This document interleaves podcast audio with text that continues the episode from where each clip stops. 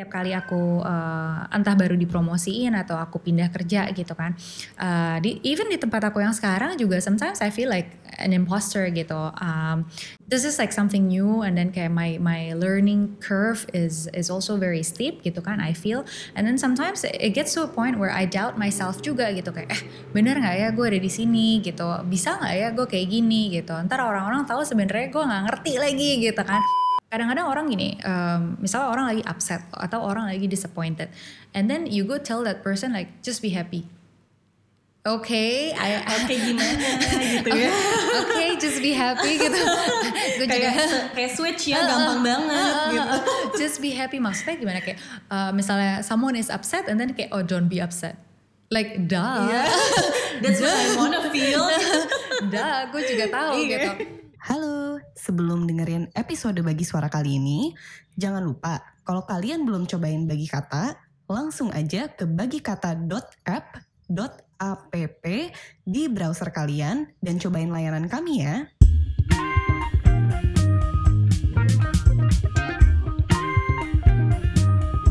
Bagi Suara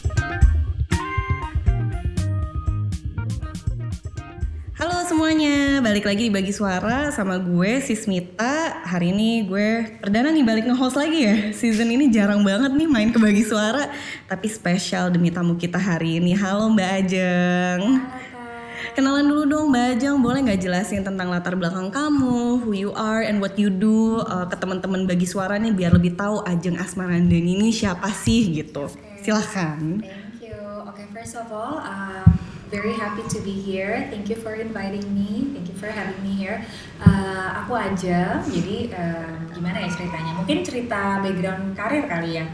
Uh, jadi sebelumnya aku tuh awal karir kerja di uh, Astra. Jadi right after I graduated, uh, aku kerja di Astra. Uh, background aku kebetulan communication. Um, terus habis itu aku pindah ke grup M, uh, advertising um, di situ mulai karir sebagai account uh, anak account pegang klien merasakan uh, pekerjaan sebagai uh, babu. Um, terus habis itu sampai sekarang juga masih babu sih. Um, terus habis itu aku pindah ke e-commerce uh, tahun 2013 aku join Zalora uh, di Zalora kebetulan jadi business development terus habis itu sempat jadi regional marketing manager di Singapura Zalora Singapura. Terus akhirnya jadi head of marketing di Zalora Indo. Um, setelah itu aku sempat pindah sebentar ke Shopee and then sekarang aku di uh, kayak perusahaan investment startup lokal uh, namanya Hard Fast gitu. Dan kebetulan sekarang aku pegang uh, channel distribution gitu sih kira-kira. Oke, panjang banget nih ya CV-nya. Gak apa-apa dong. Bagus dong, bagus dong. Um, berarti waktu kamu kerja di Zalora lebih tertarik di situ ya. Namanya juga cewek-cewek.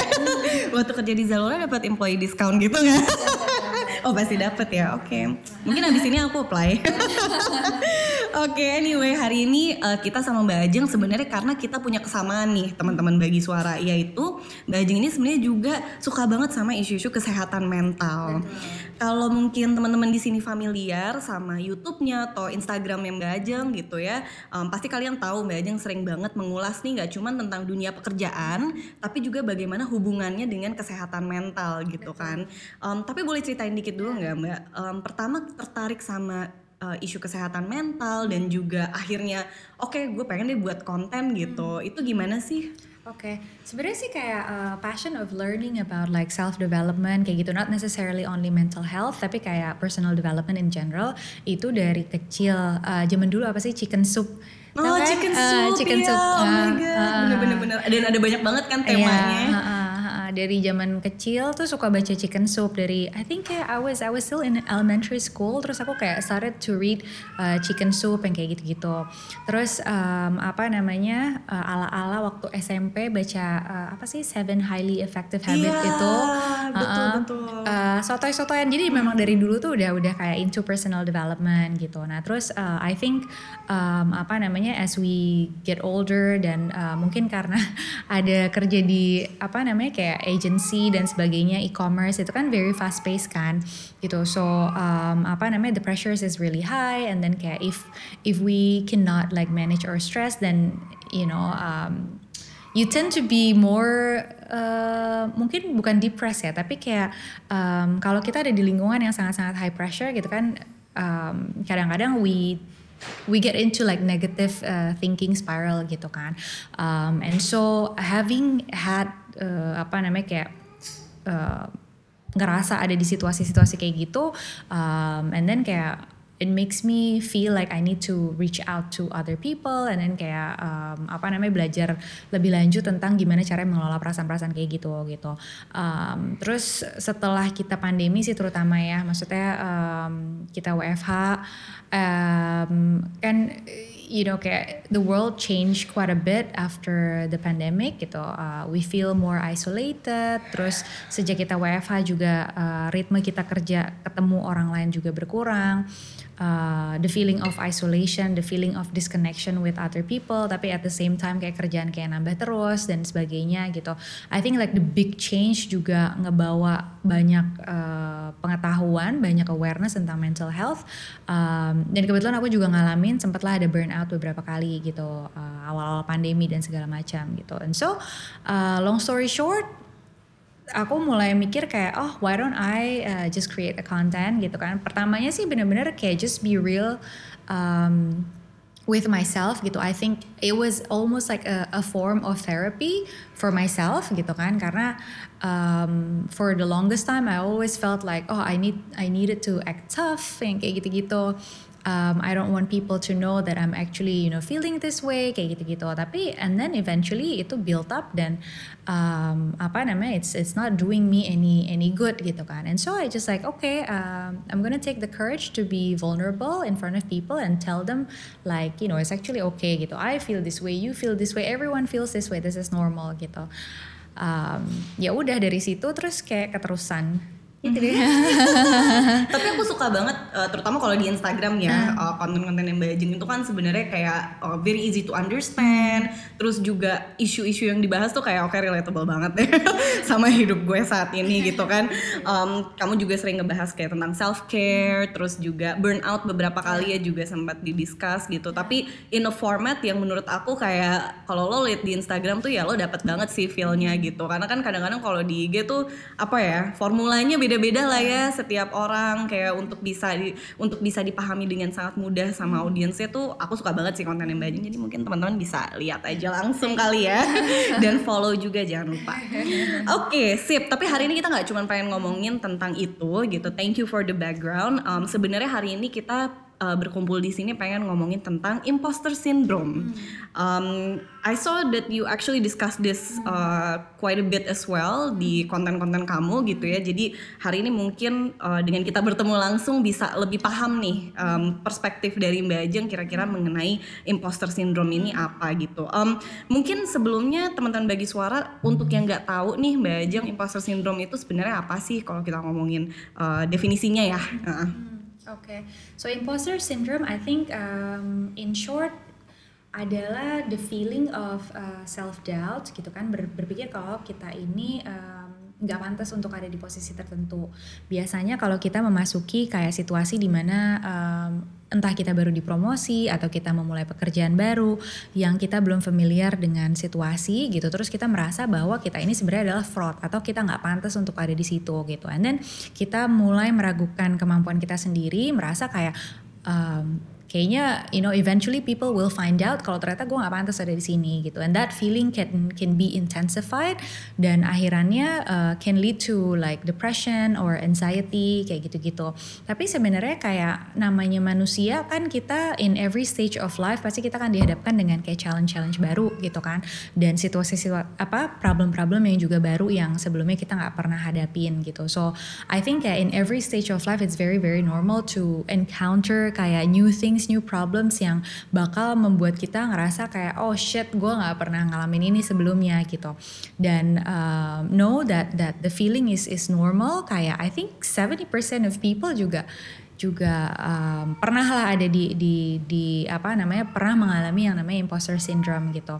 So it's it's it's it's a very normal um, apa ya kayak phenomenon gitu. Um, so when when we feel that way kayak just just acknowledge it and then uh, know that it will it will be it will pass gitu kan Oke, Ah. oke. Kalau dari pengalaman Mbak Ajeng Ah. sendiri nih, pernah nggak sih merasa seperti itu? pernah banget Wah, Pas nih. Pernah banget. Coba diceritain sedikit Mbak. pernah Gimana banget nih waktu pernah itu? banget Em, sebenarnya sih belum lama ini juga ya I Oke. mean uh, uh, kayak em, apa namanya setiap kali aku uh, entah baru dipromosiin atau aku pindah kerja gitu kan Uh, di even di tempat aku yang sekarang juga sometimes I feel like an imposter gitu Em, jadi background aku kan for the longest time aku selalu ada di marketing gitu dan uh, it's almost like my comfort zone gitu ada di ada di uh, marketing gitu and then sekarang aku pindah ke channel distribution and it's all about it's more on operational gitu rather than kayak marketing although kayak agak-agak overlapping sedikit tapi um, this is like something new and then kayak my my learning curve is is also very steep gitu kan I feel. And then sometimes it gets to a point where I doubt myself juga gitu kayak eh bener nggak ya gue ada di sini? Gitu. Bisa nggak ya gue kayak gini? Gitu. Ntar orang-orang tahu sebenarnya gue nggak ngerti lagi gitu kan. Tapi maksudnya kayak um, you know despite of the track records or the accomplishments that we have in the past gitu kan tetap aja kalau misalnya kita menemukan situasi baru di mana kita learning curve ya bener-bener steep kita bisa balik lagi dan mikir kayak kayaknya kemarin gue beruntung doang deh gitu. Oh people people are going to find out kalau misalnya gue sebenarnya nggak bisa gitu. So um, ya pernah banget ngerasain kayak gitu tapi yang yang aku lakukan adalah kayak oke uh, I I try to detach myself from from the feeling gitu. It's it's completely normal uh, acknowledge that gitu kan. Dan um, reach out for for support juga sih gitu karena the more we talk to people about our feeling the more we know that oh everyone else also feeling the same way gitu one way or another Bener banget, bener banget. Nah, waktu di uh, pas kamu ng- ngalamin Hmm. sendiri nih Mbak Ajeng, um, gimana sih kamu bisa tahu akhirnya kayak, oke ini kayaknya gue imposter syndrome deh Hmm. gitu. It's not just you know overthinking atau ya cuman kayak gue merasa diri gue nggak baik aja gitu, tapi this is actually it gitu. Oke oke, mungkin perasaan eh, di mana kita udah susah fokus kali ya, udah susah fokus. Karena maksudnya gini self self doubt itu kan pasti akan selalu ada.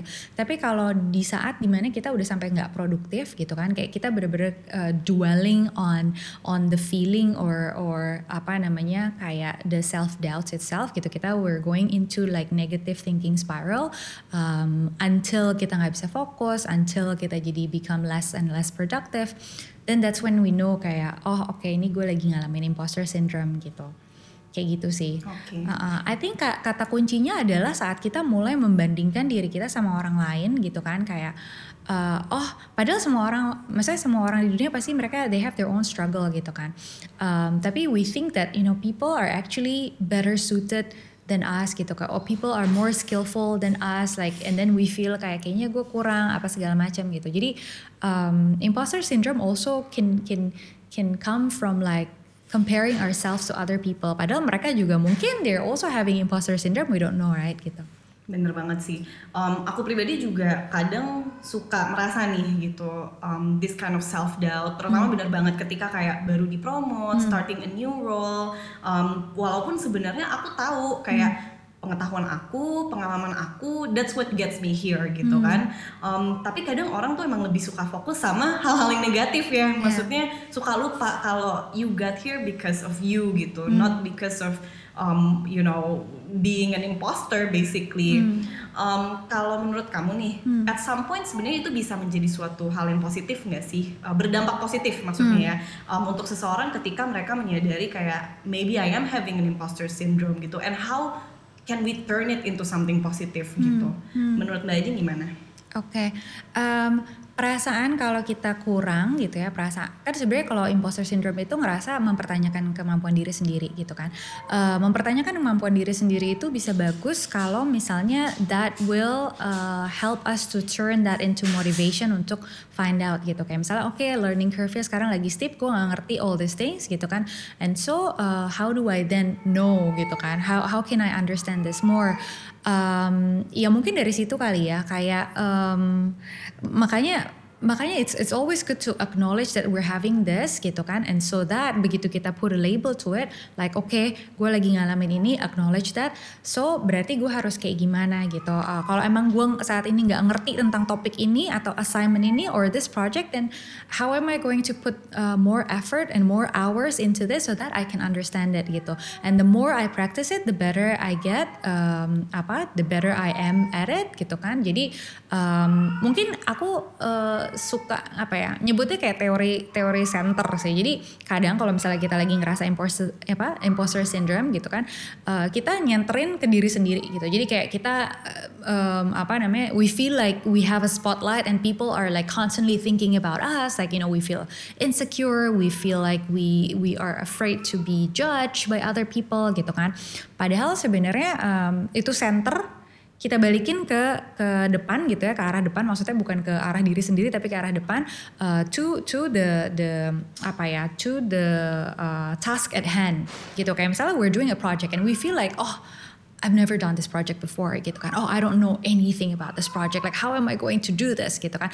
Itu berarti kita lagi senterin ke diri sendiri gitu. Jadi kayak kita insecure, insecure. Aduh ntar orang find out kalau misalnya sebenarnya gue nggak bisa. Ntar orang ngehakimin gue gimana bagaimana gitu.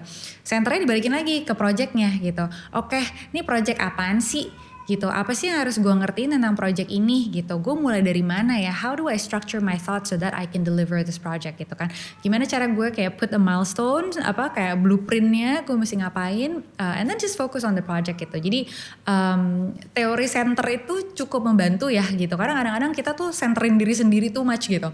Padahal kayak nobody puts a spotlight. I think everyone sebenarnya juga worries about themselves right gitu kan everyone has their own struggle everyone is insecure that they're going to be judged gitu kan nobody really thinks about us sebenarnya gitu um, and so it, it's really important to like you know put the spotlight where it needs to be gitu That's a really good analogy. Karena bener banget. Um, if one of your team members hmm. gitu ya, hmm. um, kayak kamu recognize kayaknya dia lagi merasakan ini, hmm. dia lagi merasakan imposter syndrome hmm. nih. What advice would you give them other than what you've just mentioned? Oke. Okay um, apa ya um, mungkin kalau aku sendiri orangnya bukan yang kayak step in when when I'm not asked ya. Aku sendiri maksudnya kayak my, my leadership style, um, I mean it, it it it has evolved over the years gitu. Uh, sebelumnya kadang-kadang aku suka uh, kalau if I reflect to my leadership style sebelumnya itu aku agak-agak you know uh, sometimes aku suka step in gitu I I want to help other people gitu tapi um, over the years I understand gitu nggak semua orang um, mau dibantu dengan cara kita mau dibantu gitu. So so kayak you know some sometimes people think that you know treat others the way you want to be treated. I don't think that's correct karena um, apa namanya the way we want to be treated mungkin different to what people need gitu. Jadi benar-benar ya tergantung sama mereka maunya kayak gimana gitu karena karakter orang beda-beda.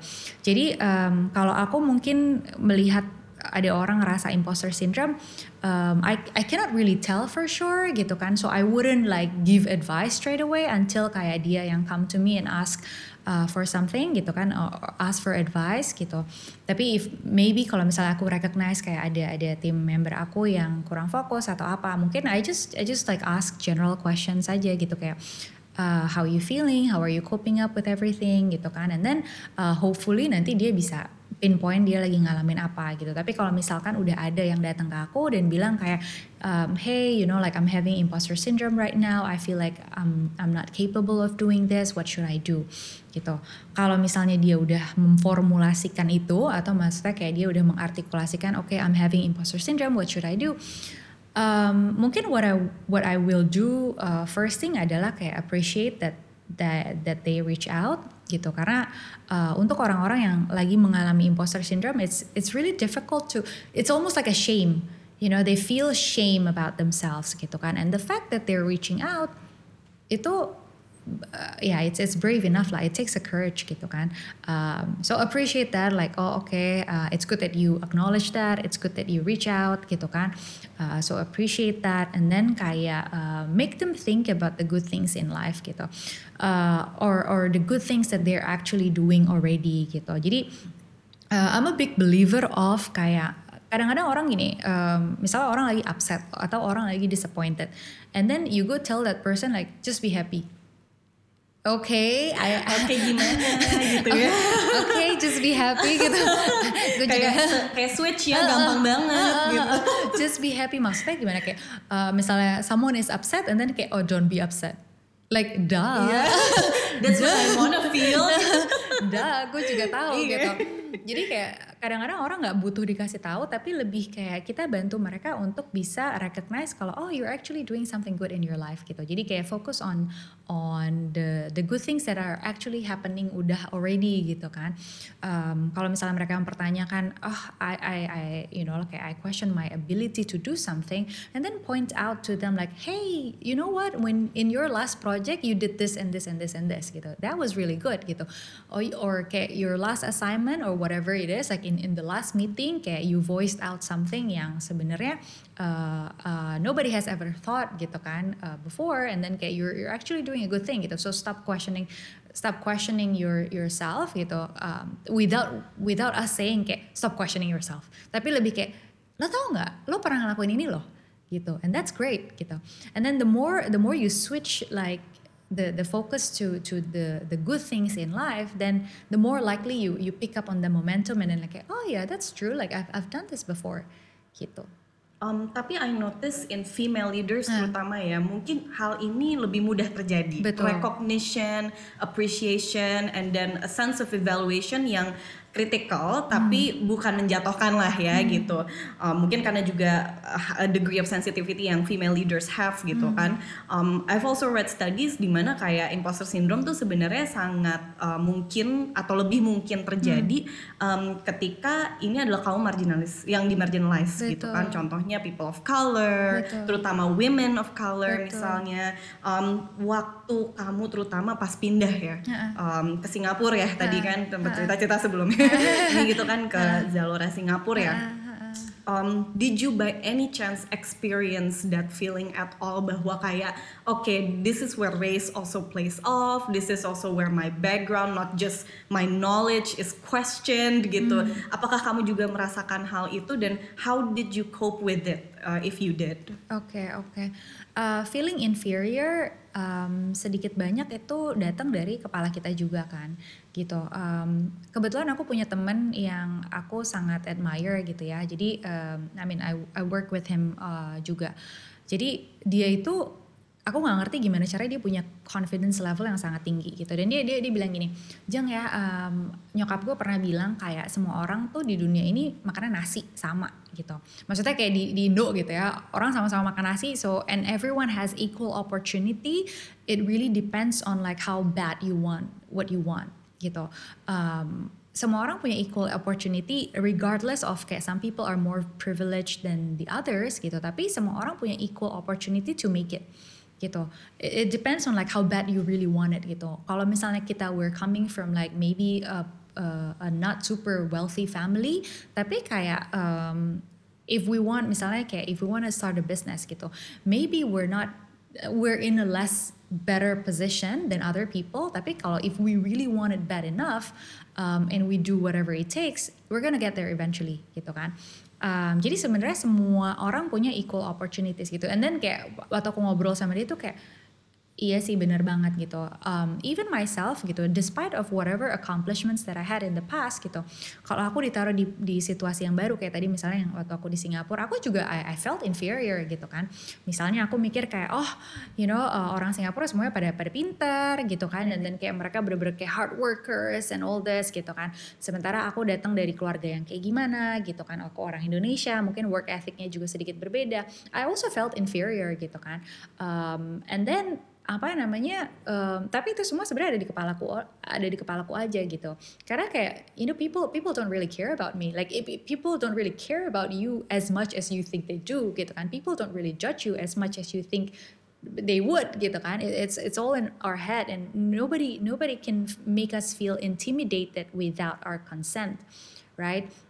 Um, and so kayak just just realize gitu. I I think it's also liberating sih for me gitu ya to think that sebenarnya orang nggak peduli peduli amat sih sama gue gitu. Kayak kayak gue lebay doang deh gitu. It's it's also liberating to to think that way. Jadi kayak um, balik lagi ke si teori center itu ya udah centerin ke where it should be aja gitu um, karena the more we we we think about it the the the more insecure we get gitu sih Oke. Uh-uh. I like that you picked up on the next keywords of my question, which is insecurities Uh. gitu kan. Um, dengan imposter syndrome ini kan Hmm. sebenarnya uh, banyak hubungannya juga dengan anxieties Yeah. and insecurities, Yeah. uh, feeling inferior Yeah. um, over others gitu.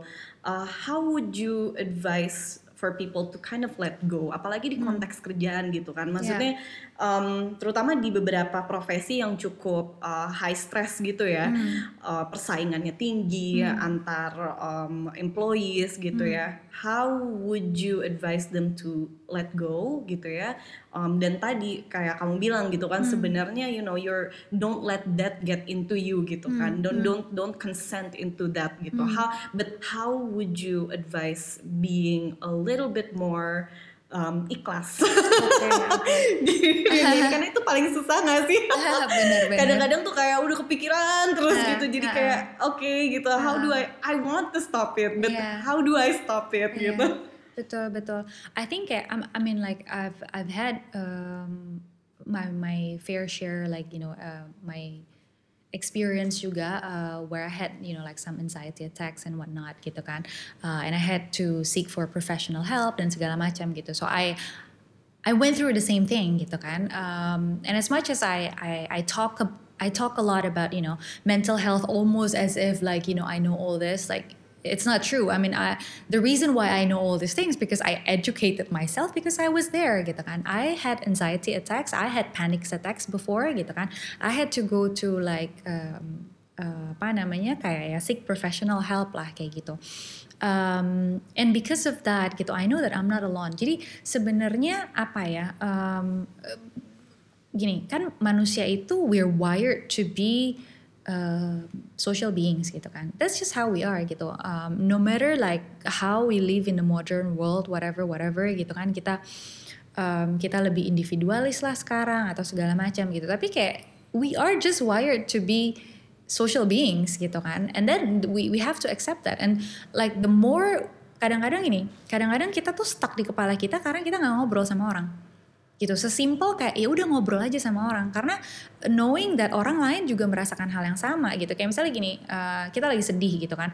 Tapi sesimpel kita angkat telepon terus kita ngobrol sama sahabat and then kayak it's a bit lighter right? Gitu. Sesimpel cuma kayak sedih biasa doang gitu bukan yang anxiety bukan yang kayak you know deep insecurities atau kayak gimana.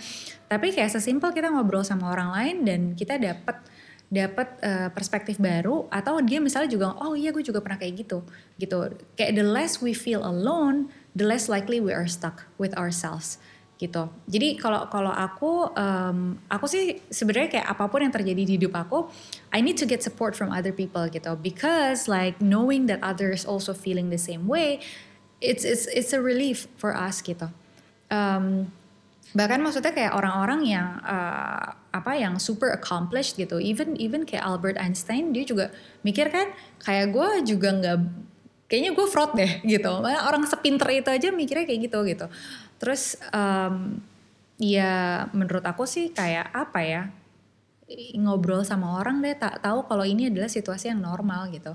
Kadang kita cuma mikir kayak oh gue doang nih yang ngerasain kayak gini gitu. Dan kita malu dan malu malu malu malu ya udah kelar Bener banget sih. Open your mind to new perspectives as well. Uh-uh. Mungkin kan orang-orang sekitar kita juga punya their own take on how to deal with things dan mungkin itu juga bisa bantuin kita nggak sih? Um, apalagi kalau kita udah bener-bener nggak kuat, going to a professional would definitely help as well kan. betul. Um, kita konsul ke psikolog, mungkin Betul. kita tanya their professional advice if you want an unbiased quote unquote gitu ya. Um, pers- opinion dari uh, what you're going through, kayaknya itu juga bagus gitu Iya. kan. Oke, um, Mbak Ajeng, thank you so much Thank you for the talk.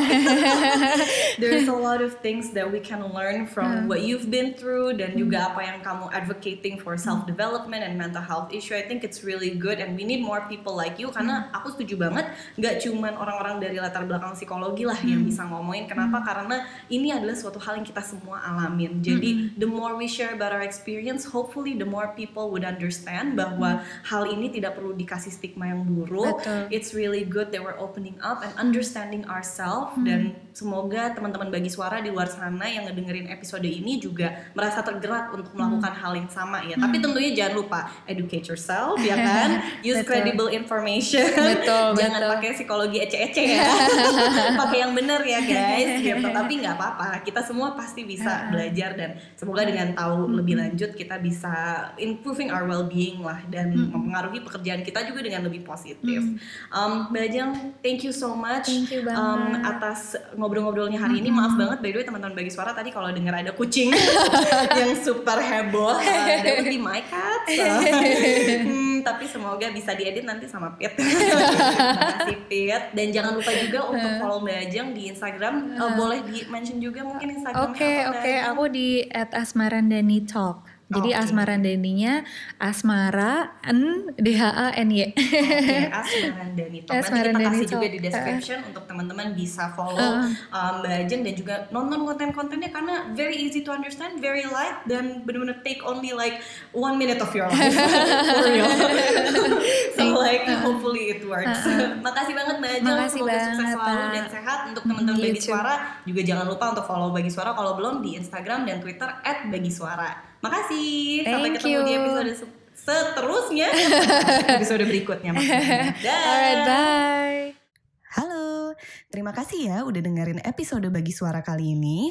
Jangan lupa, kalau kalian belum cobain bagi kata, langsung aja ke bagikata.app.app dari browser kalian dan cobain layanan kami ya.